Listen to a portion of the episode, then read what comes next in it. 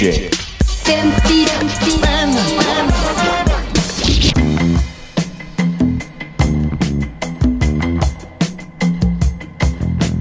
Ja, då är klockan slagen för billig och begagnad musik från musikhistoriens stora kökkenmödding av svart graverad plast.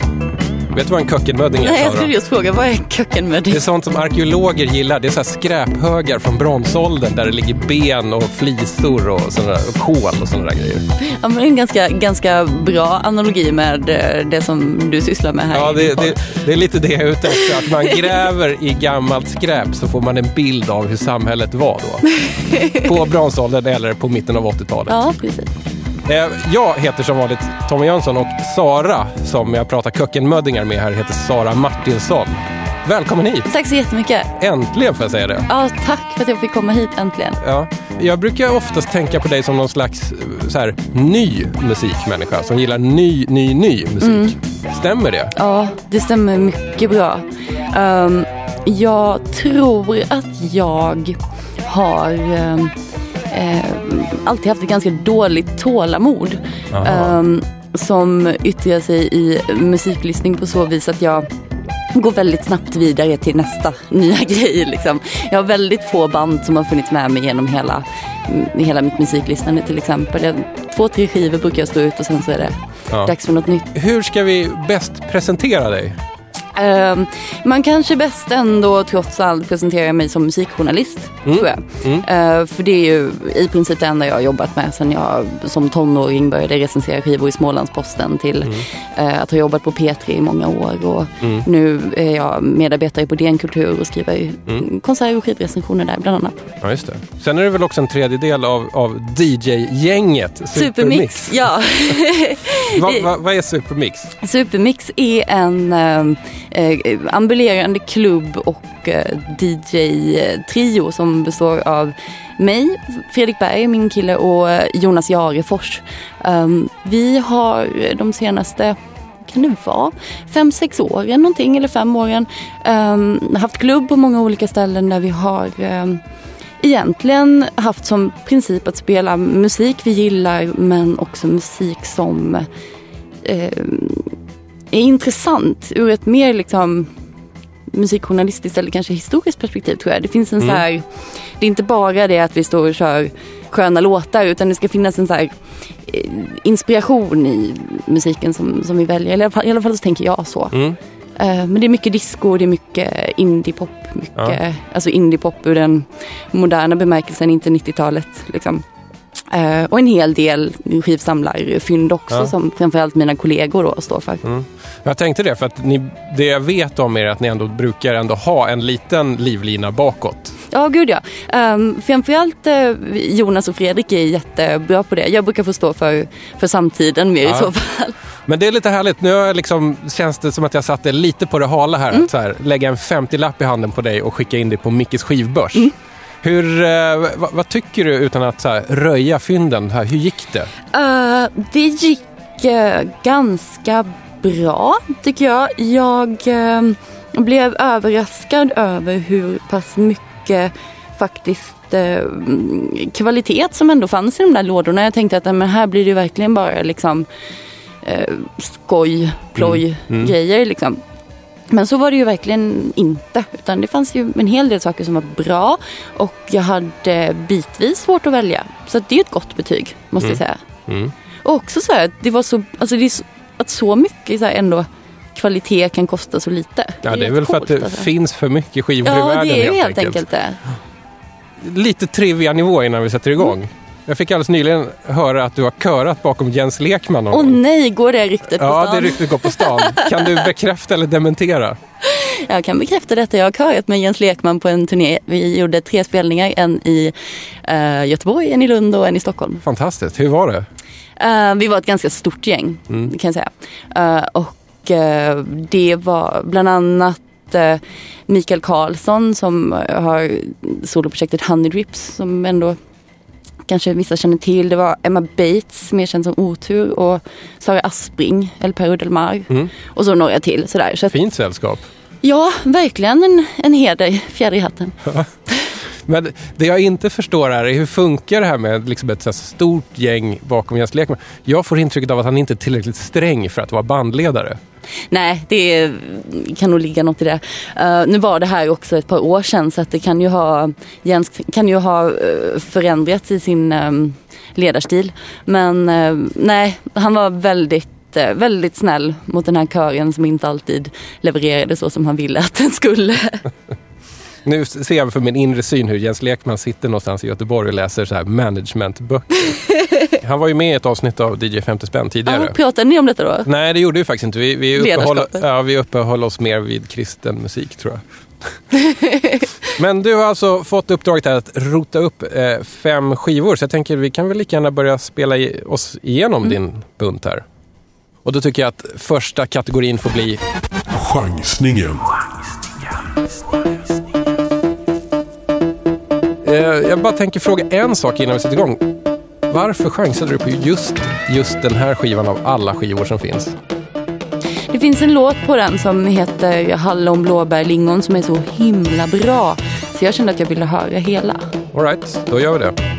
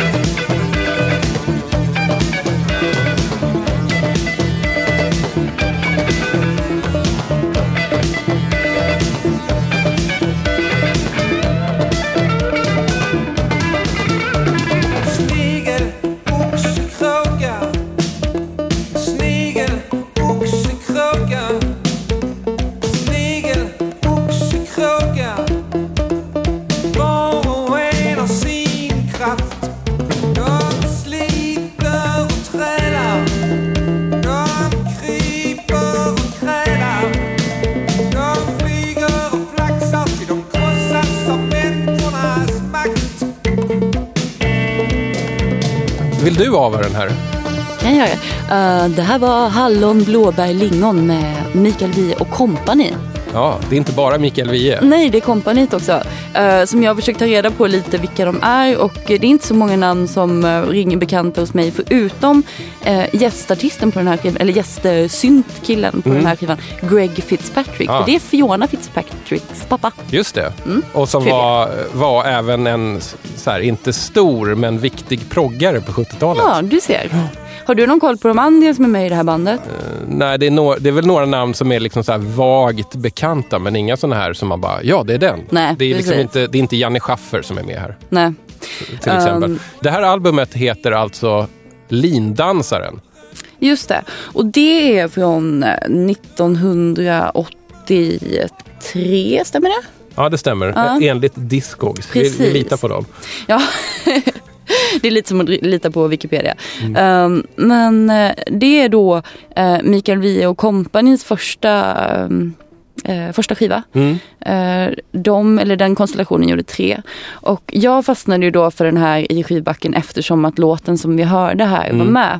Mm. den hittade jag i min tur via kan det ha varit Lugnet DJ-duo från Skåne. Ja, ja. Eh, någon av de här skånska DJarna som eh, har lite som specialitet att rota i eh, skivbackar efter eh, svängig, bortglömd eh, disco-vinyl. Mm. Um, eftersom att jag inte har tålamod att leta själv så har jag uppskattat just de här DJarna väldigt, väldigt mycket för Mm. att de har, eh, och samma sak med som Parlor från eh, Göteborg och eh, det finns ett gäng i Stockholm också som är super, superbra. De har ju lagt ner all den här tiden som jag inte orkar lägga ner Nej. och hittat så jäkla mycket Nej. grymt som jag sen har kunnat lyssna på. Så att, ehm, därifrån kom den här låten och då eh, när jag såg skivan i backen så tänkte jag, vad tusan den här vill man ju ha. Jag brukar tänka på det här så, så, som Mikael Wiehes clown och syntplatta. Mhm. Han är alltså, Mikael Wiehe är på baksidan av den här skivan sminkad som någon slags skräckclown. Det är väldigt mycket Stephen Kings det över hur han ser ut här. Ja. Hela, hela bandet är med på, på omslaget också och ser väldigt rädda ut för någonting. Oklart vad. Eh, men den är ju, ja det är också kul att sminkning har fått credit på um, albumsliven. Det är inte så ofta man ser det. Nej, Um, men eh, utan att ha satt mig in alldeles för mycket i hela albumet så där så uh, verkar det ju finnas en, en, en tydlig, um, eh, ska vi säga, teatral eller liksom dramatisk uh, ådra ja. i den här. ja. Jag, jag satt och försökte tänka på vad den här låten handlar om Mm. egentligen. Hallon, blåbär. För, förutom bär, vad, det är det vad är det han vill tänker. säga? Det är det jag tänker att det är ju någon slags nonsens, alltså nästan så här dadaistisk, Ja. eh, eller hur? Eh, som passar jättebra med den här sminkade clownen. Mm. Men det är också kul att det är så, för Mikael Wiehe har ju eh, hela hans tradition och så här med att komma från Dylan och hur Mm. han har låtit genom alla år. Det har ju varit så här, verkligen det stora berättandet genom musiken. Liksom. Ja, ganska konkreta saker. Ja, ett jättestort fartyg som sjunker som är någon slags också då bild av hur det går ut för världskapitalismen, gissar jag på. ja det kan kanske vara det. Eller så handlar det bara om båten. Vilket som, så har det, det är ju väldigt gripande på sitt sätt men på så vis så blir det också, eh, det här blir roligare för att det är mer, eh, han, han, han vågar liksom testa något, han testar ju något annat Mm. här uppenbarligen. Mm. Det, det är faktiskt därför, jag, det var därför jag köpte den här skivan också, för jag köpte den på grund av den här låten Ja. en gång eh, också. Och lyssnade på den och gillade den och tänkte liksom som att ja, det här är väl så nära Mikael Wiehe kommer Neil Youngs konstiga trance-album, alltså den här syntiga plattan från Ja. 82. Och så finns det en låt på den här som heter I min Toyota tror jag. Som är, alltså rent tematiskt så är det exakt som Gary Newmans Cars. Är det sant? Ja, men så här, världen utanför är jättehotfull, men i min bil, i min Toyota, så Ja. känner jag mig liksom trygg. Så att, och där har vi ju den där rädslan som man ser på det här omslaget. Ja men faktiskt. Jätteintressant. Ja. När kom Gary Newman-plattan? Ja, den kom några år innan tror jag. Ja men då kan han ju ha lyssnat på den. Alltså det känns ju verkligen som att han har tagit, när han har startat det här nya projektet så har han tagit ett ganska radikalt steg Mm.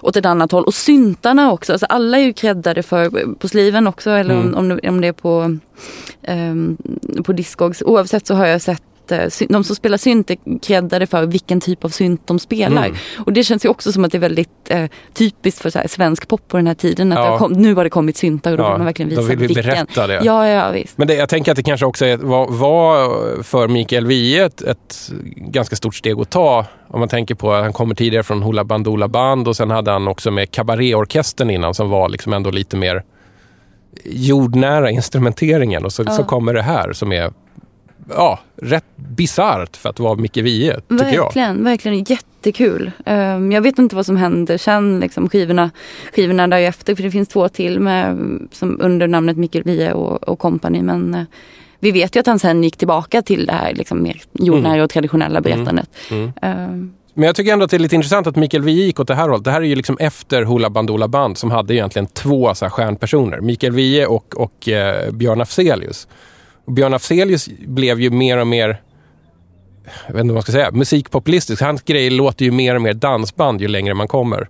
Medan Mikael Wiehe går och gör såna här pretto-plattor. ja. Tycker jag ändå är ett, ett, ett, ett litet så här, i min värld så är det ett litet plus i kanten för Micke Wiehe.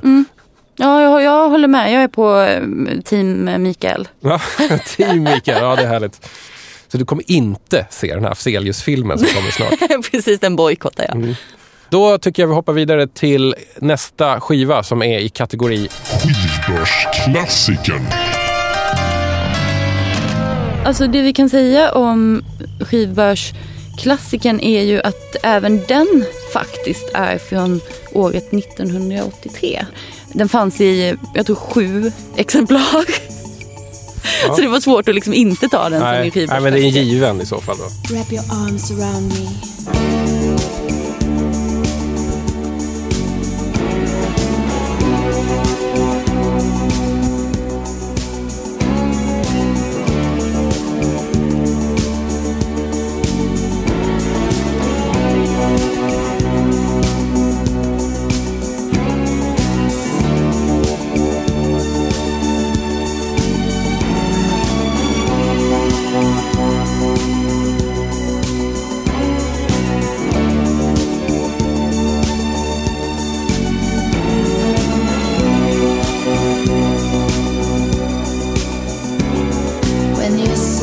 Far away. At the end of each day, counting the moments till you fade away inside my soul.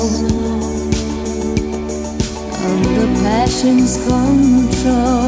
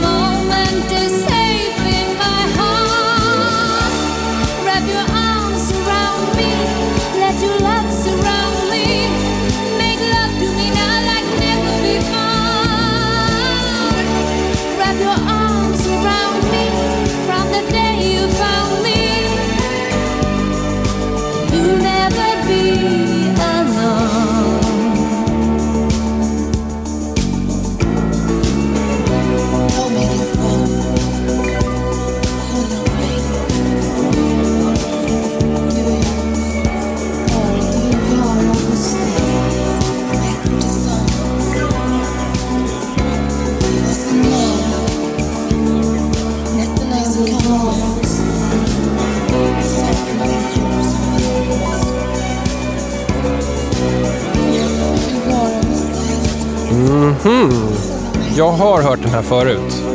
Ja, jag kan tänka mig att du har gjort det. Men det är inte den stora hitten från den här skivan. Nej, den eh, stora hitten eh, som vi konstaterade här nu medan vi lyssnade på Wrap your arms around me som låten heter och skivan heter. Ja, just det. Den stora hitten på den skivan är The heat is on. Just det.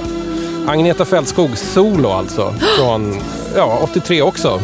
Precis. Samtidigt som Mikael Wiehe satt i Malmö och var clownsminkad så kom den här fläkten från huvudstaden. Smokey, hela bandet, körar på skivan. Ja, det, det, det är väl jättekonstigt. Smokey, alltså Living bandet. Next Door to Alice Smokey körar på den här skivan. Det är obegripligt att hela bandet körar. En annan intressant, den förra skivan hade ju med eh, Rebecca och Fionas pappa Ja, i det. Mm. bakgrunden. Den här skivan har med Maritza Horn som ju är Melissa Horns Just mamma. det. Så att Mm, det Här finns knyter vi ihop, Ja, ja. knyter vi ihop Ja, den svenska popsäcken. Vet du, jag, jag har en teori varför Smokey är med på den här skivan. Den är producerad av någon som heter eh, Mike Chapman. Som jag tror är intagen för att producera den här för att han hade, han hade producerat några hits med Blondie och framförallt The Knack, My Sharona. Nej, är det sant? Men innan han blev en sån där producent som satt på jetplan och flög mellan studios runt världen så, så var han med som låtskrivare och startade ett skivbolag som heter Rack Records. Som bland annat då hade Smokey i sitt Ja, ja, ja. Du Så att- har gjort ett detektivarbete ja, som tagit det, reda på det är svaret här. förmodligen producenten Mike Chapman som har ringt in sina gamla polare i Smokey och så har de körat lite här. Såklart. Ja, Um, men uh, vad roligt att um, det är samma producent som har uh, producerat My Sharona.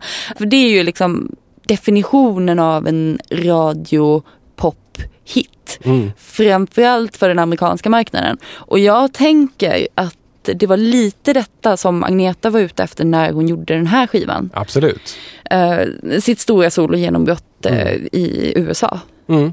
Um, och um, ja, med tanke på hur många exemplar av den här skivan som eh, finns i skivbutiker så kan vi väl sluta oss till att det, det gick inte riktigt Nej, så. det såldes väl mycket i Sverige. Ja, den måste ha sålts jättemycket i Sverige och eh, många har tröttnat på den i Sverige också. Jag satt och tittade på omslaget nu. Jag tror att den här fanns i mitt eh, föräldrahem Mm. också. Mm. Um, det känns rimligt att den var... Och som du sa, att den eh, första, första spåret i Hillsong spelades jättemycket på radio när du var liten. Ja, ja, man slog på en radio och där var den. Ja, ja att, men eh, precis.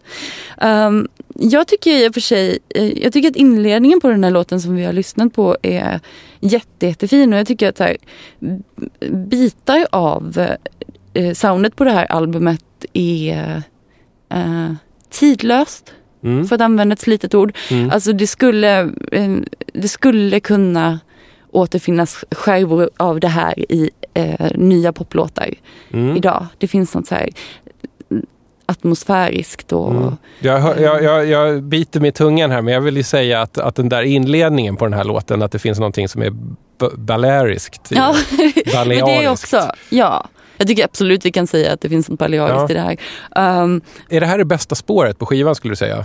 men jag tycker att det här är väldigt fint. Mm. Uh, så det var därför jag valde den att lyssna på. Just framförallt för den här inledningen som jag tycker är supersnygg.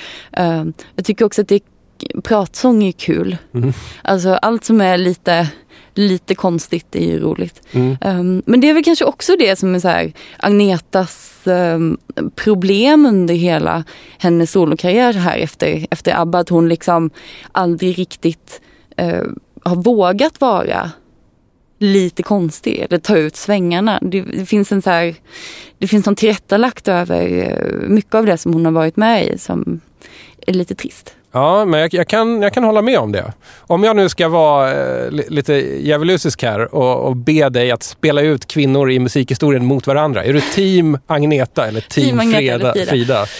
Uh, Jag är team Frida då. Varför? Eh, alltså egentligen är det ju så här, jag fick frågan för inte så länge sedan vem jag skulle ha som min eh, eh, sångare i mitt, eh, det, det ultimata bandet. Mhm. vet.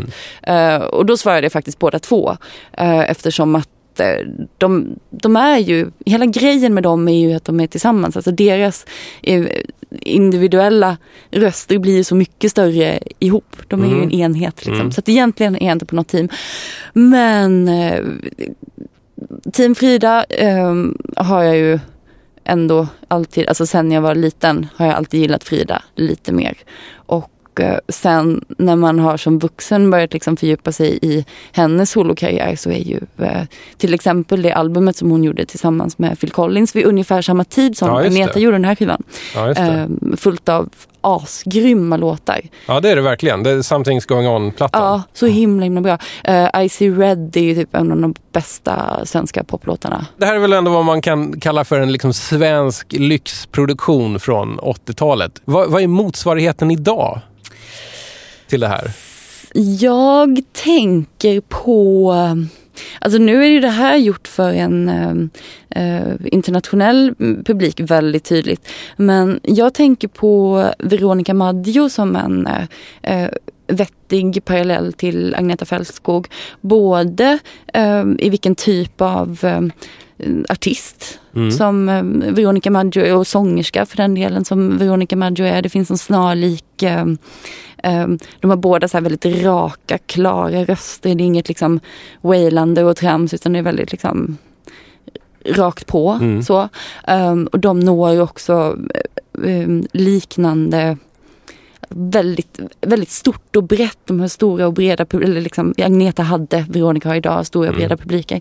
Um, och sen har ju Veronica också jobbat mycket med eh, produktioner. Hon är ju så här produktionsnörd Mm. någonstans och älskar att liksom jobba med ljud och förändra musiken och sådär. Det är påkostat när Veronica Maggio låter, hur hon än låter sen. Hon kan låta på väldigt många olika sätt. Mm. Men där kanske att det skulle kunna finnas en likhet. Ja, jag köper det rakt Mm. av. För protokollet så var jag alltid team Frida, men av någon anledning så har jag börjat bli team Agneta. Vad beror detta på? Jag vet inte, men det är många saker som håller på att ändras i mitt liv. Jag har alltid varit stenhård republikan, men sen prins Daniel kom in i kungahuset så började jag tycka så här, det är ju rätt nice med kungligheter om man får en sån så här avslappnad människa på köpet. Det här är no någon form av kris. som Det här är min på att gå igenom. 40-årskris.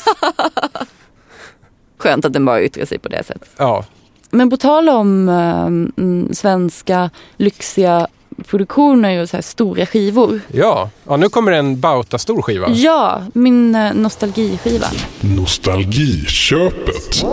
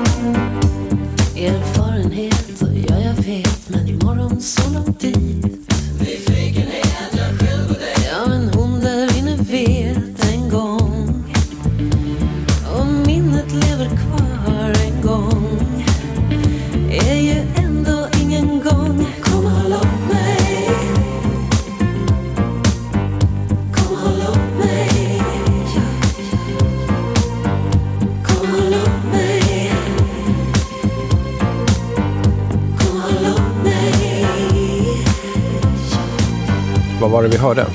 Eh, kom och håll om mig med Eva Dahlgren från eh, En blekt blondins hjärta. Som var en enorm, jättestor skiva.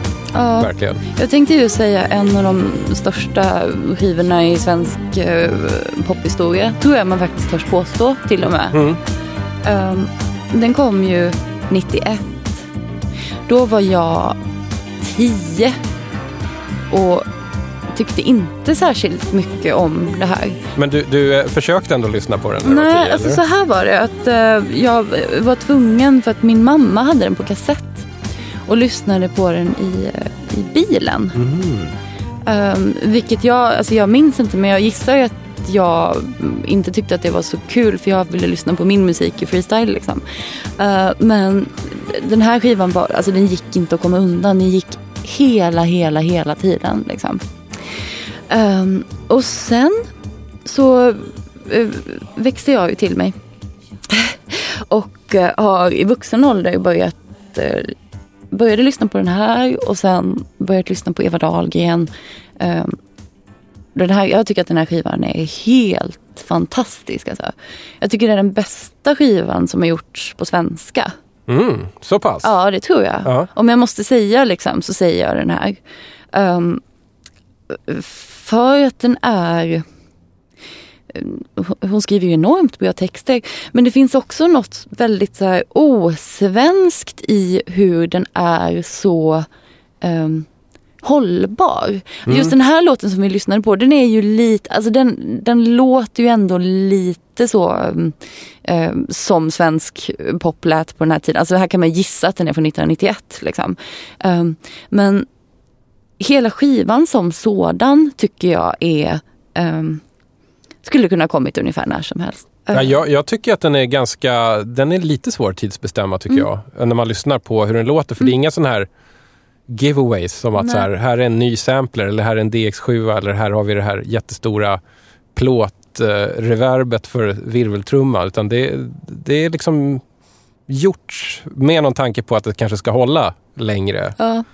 Den är väldigt ren på ett sätt som så här går igen i eh, hur låtarna och texterna är skrivna också. Det är väldigt liksom minimalistiskt på ett eh, plan. Um, och um, jag intervjuade faktiskt Eva Dahlgren um, nyligen och då pratade vi lite om den här skivan. Och att det var ungefär så hon tänkte när hon skrev den. Att hon så här, eh, tidigare alltid, eller även nu, eh, söker efter något lite jobbigt, något som sticker ut, något som är så här, som stör i låtarna. För att hon ska tycka att det är kul så måste hon liksom stoppa in konstiga element på något sätt. Men att hon för den här skivan bestämde sig för att inte göra det alls. Um, och eh, att det då blev liksom nyckeln till, nyckeln till framgång. Så det, det är ju lite spännande faktiskt att, att hon eh, jo, gjorde hela skivan med en sån liksom genomtänkt metod. Är inte det väldigt Eva Dahlgren då? Jo, Alltså lite huvudet på skaft. Kanske inte så här gör så här, åh jag får ett infall, går in och spelar in en skiva och så är det ett, två, tre, klart. Utan snarare att det är, finns ett ganska liksom, grundligt jobb Ja. under varje, varje grej hon, hon har gett ut. alltså hon känns ju som någon form av så här forskare. Liksom. ja men lite så. Att det, det är ju eh, det är ett hantverk liksom.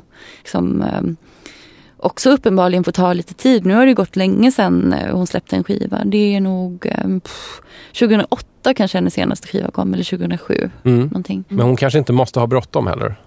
Jag kan ibland tänka så här. Så det här sk- skulle jag ju tycka var jobbigt att, att säga till en person som har gjort det här. Men det finns ju några artister som har gjort så här helt fantastiska skivor som man inte kan så argumentera emot att det här är verkligen så jävla fett. Som till exempel, Eh, Men jag tänker att man liksom rent, rent objektivt kan man ju säga att till exempel den här skivan är en sån, tycker jag. mm. Ehm, och då, att gå därifrån, att ha gjort något sånt här objektivt så jävla fett till att göra något nytt. Alltså jag, ibland så kan jag tänka på hur det är så här, jag förstår inte hur det går till. Jag förstår inte hur man motiverar sig själv att skriva en ny skiva. Mm. Och det är så många karriärer som man också har sett har varit sådana att det finns ett liksom en topp någonstans i mitten. Ja, ja. Och sen kan det, ba, det kan bara dala. Liksom. just. Ehm, Och är, man, och är man då riktigt slug så slutar man på den där toppen och Ja. drar sig tillbaks för all framtid. Eller återuppfinner sig själv på något sätt i en ny konstellation. Eller liksom vad som. Och det var väl i och för sig, alltså nu ska inte jag säga att det var så för Eva Dahlgren, men hon tog ju en ganska lång paus efter Vem tände stjärn? Eller En blek, blekt blondins hjärta. Um, bland annat av den anledningen tror jag att det blev hon har pratat om det i intervjuer och sådär. Det blev så himla himla stort. Hur tar man det vidare härifrån? Det hon gjorde var ju att göra ett eh, ganska eh, konceptuellt album ihop med Sveriges Radios symfoniorkester och Esa-Pekka Salonen som så här, ja, det är väl ingenting som man skulle sätta på en fredagkväll. Men eh, det är ändå så ett exempel på att våga och vilja förnya sig som jag tycker man ska applådera Mm. någonstans. Ja, absolut. Händer det idag att du brukar liksom langa på en Eva Dahlgren-platta och bara njuta Ja. lite mindful? Den här, Den här, ja, den här och um, den som kom innan gillar jag också. Um, vilken kom innan? Var det? Fria världen. Ja, just det, den där. Med ängen i rummet. 989. Ja.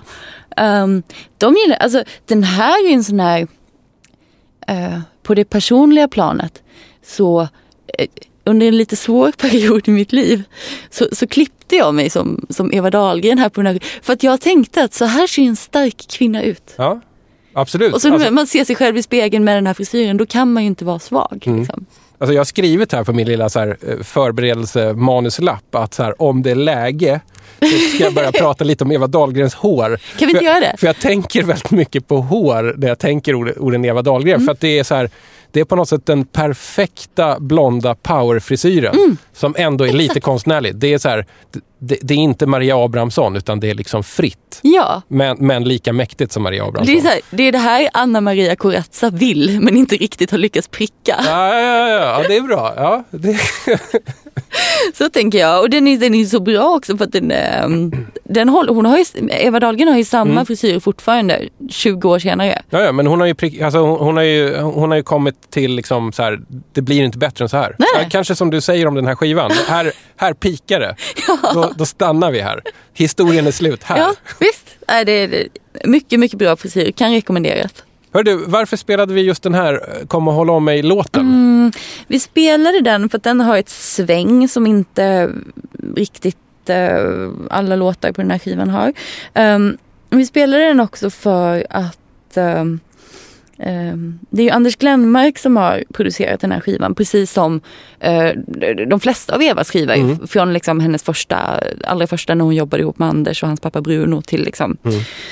senare i karriären. Och eh, just den här låten tycker jag att man kan höra hans sound lite på. Mm. Um, ett sound som jag ju tycker är någonstans här definitionen av det svenska 80-talet. Mm. Um, under en period där så var det ju Anders Glenmark som producerade typ alla skivor. Mm. Han var ju superproducenten. Ja, eh, och han var ju också så här. ehm, de skivorna som han producerade då. Det soundet har ju sen på 00-talet fått en väldigt stark genklang i liksom Oskar Lindros, Mm. Daniel Adam-Frey, Veronica Maggio återigen. Mm. Alltså många, många, många av de svenska eh, popstjärnorna på 00-talet har ju vuxit upp med och hört det här soundet. Och där någonstans har det liksom, någonstans på vägen så har Anders Glenmarks gärning lite glömts bort. Ja, men kanske. Ja. Um, Vi, vi, alltså, I ett tidigare avsnitt så var eh, författaren och musiknörden Alice Cassius Eggers här. Och då, då hade hon också med sig en Eva Dahlgren-platta, Mm. Ung och stolt-skivan. Och då kom vi in det där lite grann om att här, Eva Dahlgren kanske är liksom lite förbisedd som eh, en av de liksom extrema tungviktarna i Mm. svensk musik. Men det kanske är som du säger, det kanske även gäller Anders Glenmark. alltså Anders att- Glenmark är ju 100% bortglömd skulle jag vilja Det var ju säga. väldigt sällan jag droppade honom som en referens. Kan jag säga. Nej, men jag vet inte hur hög kännedomen är om att eh, det är han som har gjort, alltså, eh, både hans, e- alltså, hans egna skivor är ju också så här rätt intressanta. Jag Mm. stod faktiskt och höll i den som heter 99 till nos mitt nostalgival. Mm, Nu valde jag mm. ändå den här med Ja. Eva för jag tycker att den är lite, lite vassare så. Men den skivan som heter 99 med knäppa låtar som Greyhound Bus och Marmar. Ja, Alltså. Super, super, super konstigt. Men rätt intressant. Mm. Um, och just det här hur hans sound var så, att han kunde vara så flippad i mainstreamen. Jag har en eh, gammal kollega som skämtsamt brukar kalla Anders Glenmark för poppsykot. för att han med, med, i tid och otid kommer in och säger woho! Så är väl, är det ju lite och det är det som är så jäkla skönt. Ja men det är väl så här krydda med, med små huckar och tjoanden. Det är, alltså, det är ju, det är ju Michael Jackson-logik. Ja, det är inget konstigt egentligen. Man förstår ju alltså, var, han hämt, var Anders Glenmark har hämtat sin inspiration eh, ser man ju väldigt tydligt. Och jag tvivlar inte en sekund på att om man skulle prata med Oskar Lindros till exempel så skulle han säga att han har lyssnat på exakt samma eh, funk och soulartister som eh, Anders Glenmark har gjort. Oskar Lindros skulle ju inte säga jag har lyssnat på Anders Glenmark såklart. Men eh, att det, att det finns någonstans i hans ryggmärg från, Ja. från hans uppväxt Ja, ja just det. Det, Det- musikaliska DNA. Ja, precis. Det går inte, tror inte jag går att frångå. Det slår mig nu, jag kan ha fel här, men varför finns det inte jättemånga sådana här musikdokumentärer som handlar om Eva Dahlgren och eh, Anders Glenmark, the making of den här skivan och så får man se dem sitta bakom mixerbordet och dra upp Man får se 25 reglerna gå upp. reglar. Här kommer kören och här kommer panflöjten, här kommer tamburinen, här är min lilla shaker och här är juhu! precis. Juhu har en egen regel. Du, eh, vad sägs om att eh, hoppa vidare ett hack? Ja, det gör vi. Vilken ska vi köra nu? Ska vi köra Random Access Vinyl det fruktade blindvalet? Jättebra.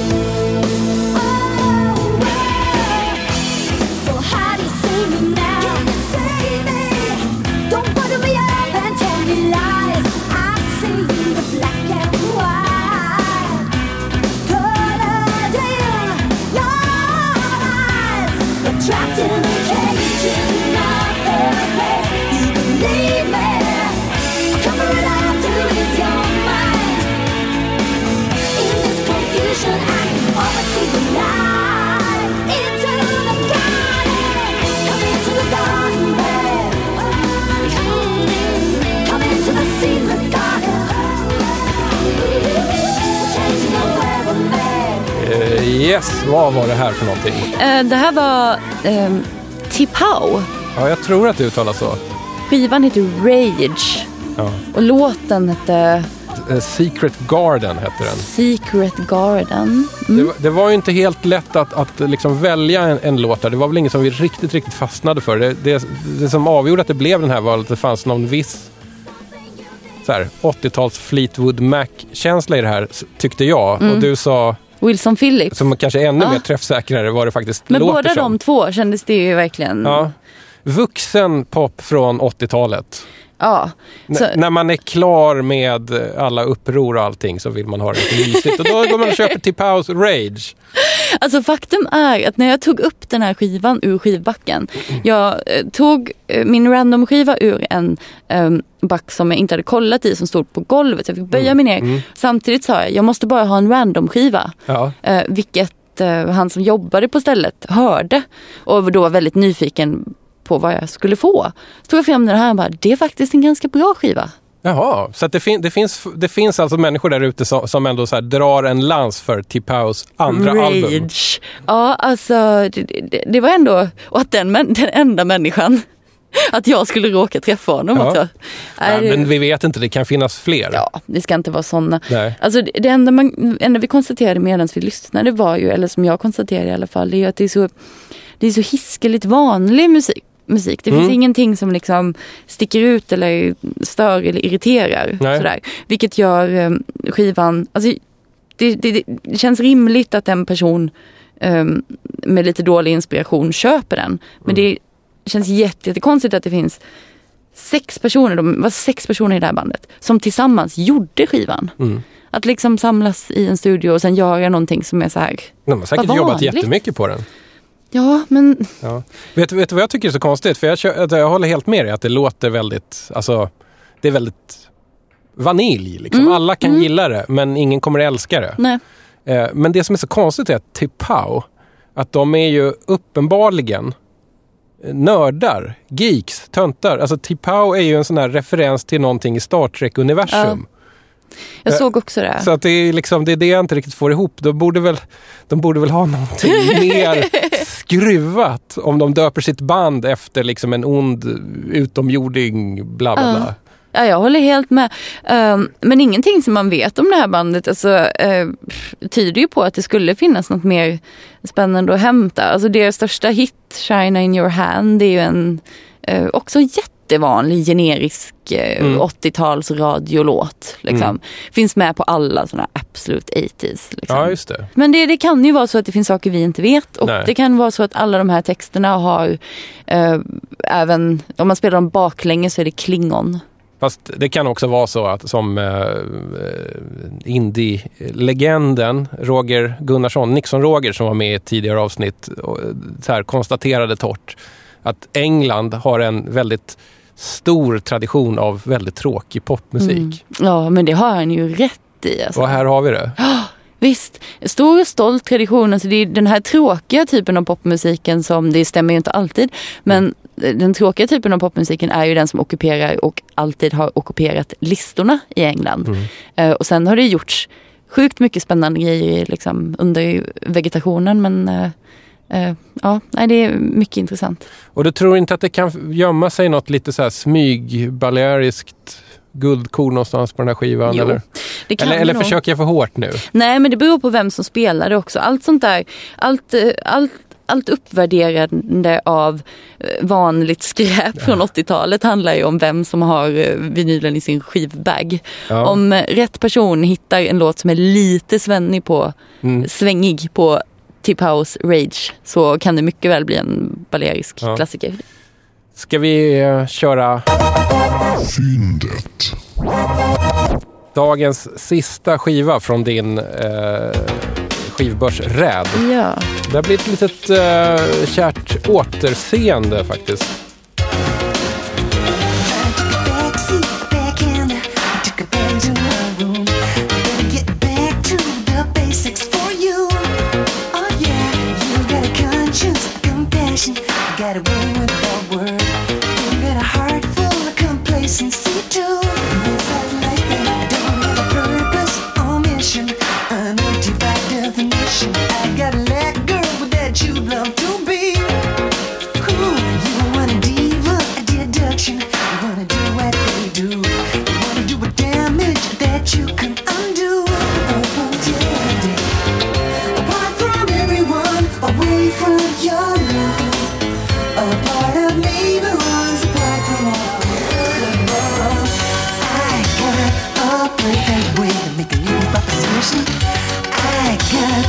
A perfect way to make a justification.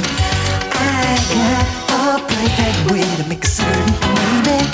I got a perfect way to make the girls go crazy. DJ, I took a day jet on inland. I took a liking to you. I took a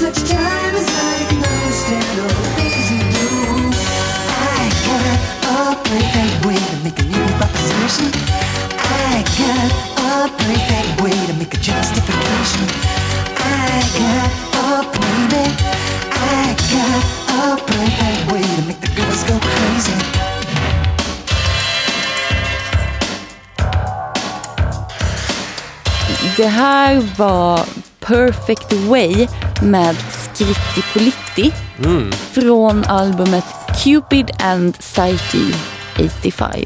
Varför är det här fyndet? Vi tänker oss att vi har eh, 10 kronor kvar i vår samling. Eh, vår pengasamling, vår börs. När vi står där och bläddrar i, eh, i skivlådan. Och så vill vi få så mycket som möjligt för de 10 kronorna. Mm. Om Bang då- for the bucks. Ah, om det då dyker upp en skiva med Scritti Politti så är det ju den man ska ta. För att det finns inget band, törs jag påstå, i världen som är så ehm, har så många bottnar och som har så mycket som man kan hitta om man eh, letar som Scritti Politti. Alltså det här är ju liksom referenspoppens okrönte kung. Green Gartside. ehm, som eh, började sin karriär i ett ehm, mark- marxistiskt kollektiv. Han spelade, ehm, han turnerade bland annat med eh, Gang of Four Mm. och fick ett eh, mentalt sammanbrott på scenen. Efteråt så eh, har han uttalat sig som att han, eh, den här ångesten som han, eh, som han upplevde var en reaktion på hur eh, eh den alternativa världen som hans band hade eh, kommit fram och eh, ändå frodats i eh, hade blivit alldeles för dogmatisk och inte längre var alternativ. Därför var han tvungen att återuppfinna sig själv, återuppfinna Scritti Politti eh, och göra eh, musik för massorna som en trojansk häst Ja, för sina politiska och filosofiska idéer. det, alltså det där är vad jag brukar kalla för så här Heaven 17 eh, eh, teorin. Mhm. Att, att man ska inte, alltså man ska låta jätteglassigt och ha dolda budskap som Ja. liksom Ja. Exakt, det brukar jag kalla för eh, Scritti Ja, Politti-teorin. ja, mm. Det finns väl säkert beröringspunkter eh, i det. Eh, Och det är säkert exakt samtida också. Ja. Här är det ju också, alltså det är inte bara så att man eh, kan leta efter eh, eh, referenser till eh, politisk och kanske framförallt eh, filosofisk eh, litteratur och så, utan det finns ju även popkulturreferenser i mängd. Eh, inte minst, alltså den mest kända är ju den sista, det sista spåret, det mest uppenbara sista spåret på den här skivan Woodbees, inom parentes Pray Like Aretha Ja. Franklin. Um, så, så där jobbar han också hela, hela Mm. tiden med massa liksom, eh, roliga detaljer som man kan snappa upp eh, Som man kanske inte snappar upp direkt heller Mm. Nej. utan man kan liksom lyssna och lyssna och lyssna och hitta nya saker hela tiden. Ja. Man kan ju lyssna på det utan att ha liksom, eh, referensradarn på. Ja, visst, så är det också. När den här skivan och framförallt uppföljaren till den här Provision släpptes var jag någonstans i tonåren och jag avfärdade snabbt Scritti Politti som moderat musik. För att jag tyckte att det lät Mm. Som moderat Det är musik. jätteintressant. Men det är väl klart. Men sen har jag förstått sen att, att det, det, jag gjorde det lite enkelt för mig. Ja kanske. visst. Men eh, det var ju skitbra om Moderaterna, Moderaterna du, där du kommer ifrån lyssnade på det här. För kanske lyckas han omvända någon, vem vet? Tror du att han gjorde det? Nej, jag vet inte. Men det är ändå roligt att så här, överhuvudtaget den strategin att eh, eh, placera eh, mer eller mindre radikala budskap i eh, en popmiljö som låter väldigt mainstream är ju kul. Ett aktuellt exempel nu om man tar till exempel Dante, eh, hans låt Trillion som har spelats jätte- jättemycket på radio i sommar. Eh, men som har ett ganska tydligt också dessutom feministiskt budskap. Eh, det är ju jättekul om små barn som hör den här låten på, på radion eller fastnar för den här jättecatchiga refrängen också lär sig en text som är så här radikal. Liksom. Så att eh, på så vis så tycker jag inte att den, alltså det behöver ju kanske inte vara så att man konverterar folk genom sina texter. Men bara att liksom placera ett nytt tankesätt, medvetet eller omedvetet, Ja, i det. huvudet hos publiken. Det är, det är ju lömskt på ett lite, lite roligt vis. Liksom. Plantera små frön. Ja, Vad tror du att eh, Green Guardsides marxistkollektivpolare tyckte om den här nya riktningen som han tog? men alltså det var väl så här om jag förstår allting rätt att det skar sig ganska, ganska dramatiskt med, eh, det här gänget som han hade jobbat med. Han hade ju det första albumet som Scritti Politti släppte som kom eh, strax innan eh, den här skivan, om det kom typ 82 kanske första albumet. Eh, där var Scritti Politti ändå ett, ett band. Liksom. Eh, men efter den skivan så bröt han ju helt med, med de som han har jobbat med tidigare och man kan ju gissa att Alltså han verkar ju rätt självgod också. Han är ju väldigt, väldigt smart enligt sig själv. Eh, och sättet som han, som jag har läst honom tala om den tiden är ju lite så här att han hade ju kommit på det som var rätt. Ja, ja. De var ju, han- gick ju plötsligt och snabbt flera steg Ja, före. Mm. dem och då var det ingen mening att fortsätta diskutera med dem. Liksom. Ehm, eller fortsätta göra musik med dem. För den Nej, ja. Ehm, så att eh, nej, de tyckte säkert att, men det känns ju som att om det hade, de hade kanske inte tyckt att någonting som han gjorde var, var intressant efter, efter att det hade gått så dåligt. Men eh, Scritti Politti är ju ett band också som är, tycker jag, ehm, vi återkommer till det, lite bortglömt. Mm. Den här skivan är ju i och för sig Cupid and Psyche är ju ändå den, så här, det är den skivan som man säger att man ska ha om man ska ha någon Skitty skiva Absolut. liksom. Den mest hyllade och mest framgångsrika. De hade ju många låtar på listorna på den här skivan och sådär. Även i USA. Men eh, ändå idag när man pratar ju om den vågen av så här, eh, sofistikerad brittisk 80-talspop. ja, Så pratar man ju om så här, Prefab Sprout, man pratar om Mm. Style Council. Men Scritti Politti, det är liksom lite nästa steg. Men jag tänker att eh, det är väl lite hur de, hur de låter. Det är liksom en lite mer amerikansk produktion över det här. Alltså det här är ju liksom hypermodern R&B från 1985. Absolut. Samtidigt så var det ju så också att om man, ska tänka på ett band som Prefab Sprout så ville ju eh, Paddy McAloon under den här perioden ville ju vara Elvis. Liksom. Så att Ja. där fanns det ju också en, en väldigt tydlig inte-brittisk eller icke-brittisk eh, ingång. Det kan vara så att eh, Skitty Politti helt enkelt var är lite för klurigt Mm. ändå. Liksom. Det är lite över huvudet på folk ändå. Ja, och att det också, men kanske det här som du säger, att det, eh, hur de låter. Ehm, för de har också låtit på väldigt många olika sätt. Jag tycker att det är superkul. Mm. Alltså om man lyssnar på en låt som så här, Derrida från eh, första skivan så låter den ju som Birds.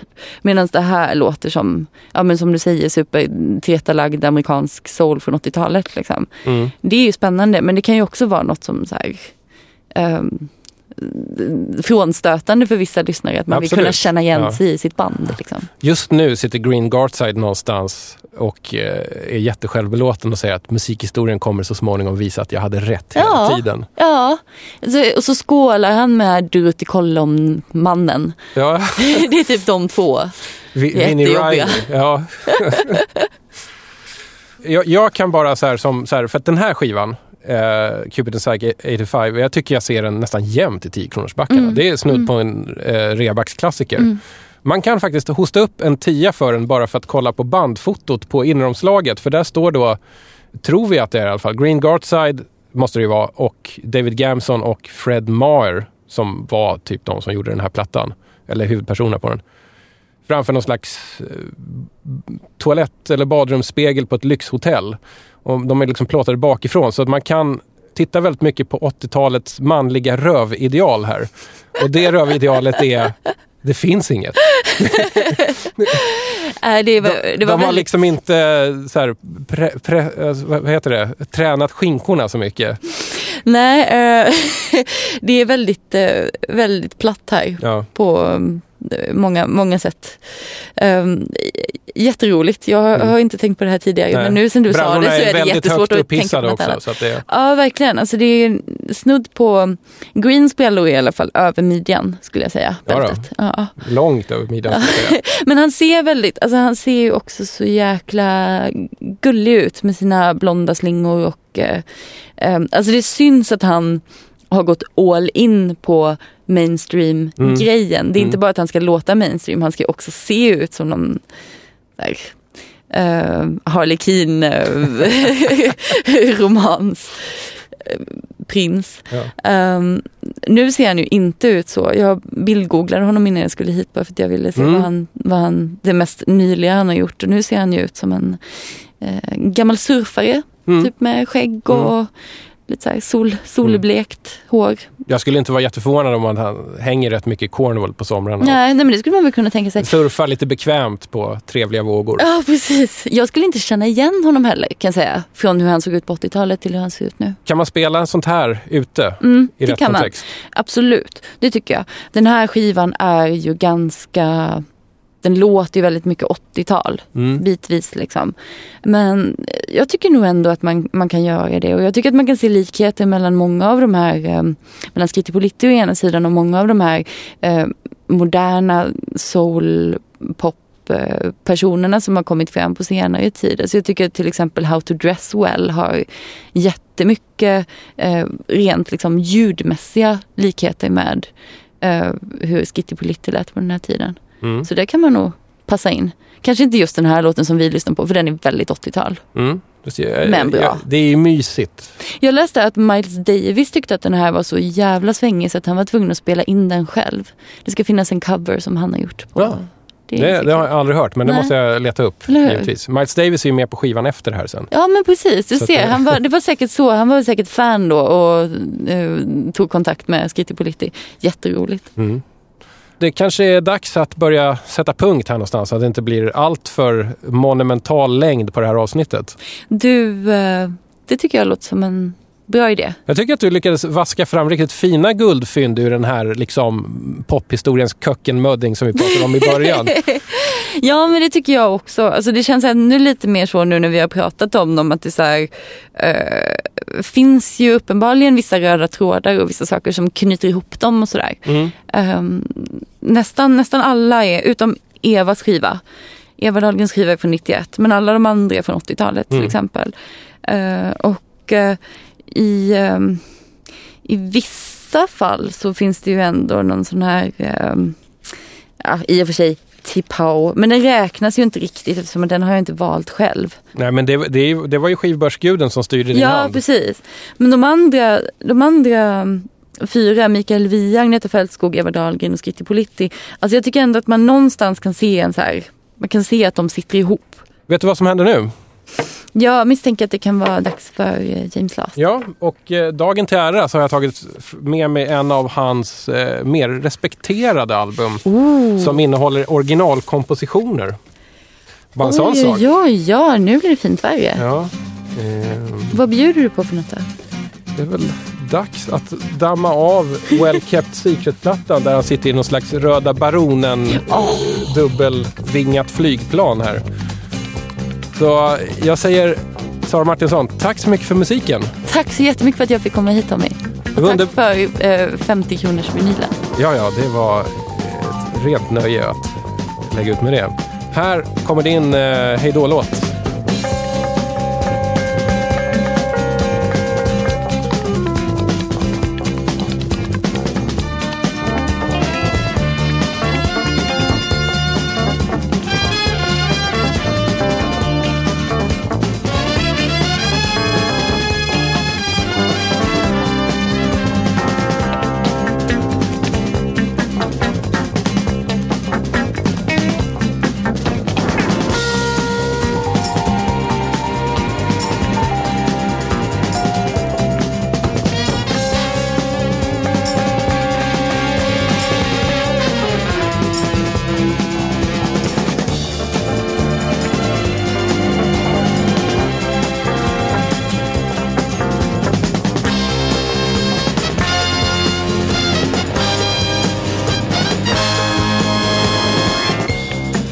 Lever han? Ja. Alltså jag sitter hela tiden och funderar på kan man lura någon att få göra en James Lott-dokumentär innan han dör? Han är 85 eller 86. Men hur många skivor har han gjort då? Alltså enligt Discog så är det runt 400 men jag tror, jag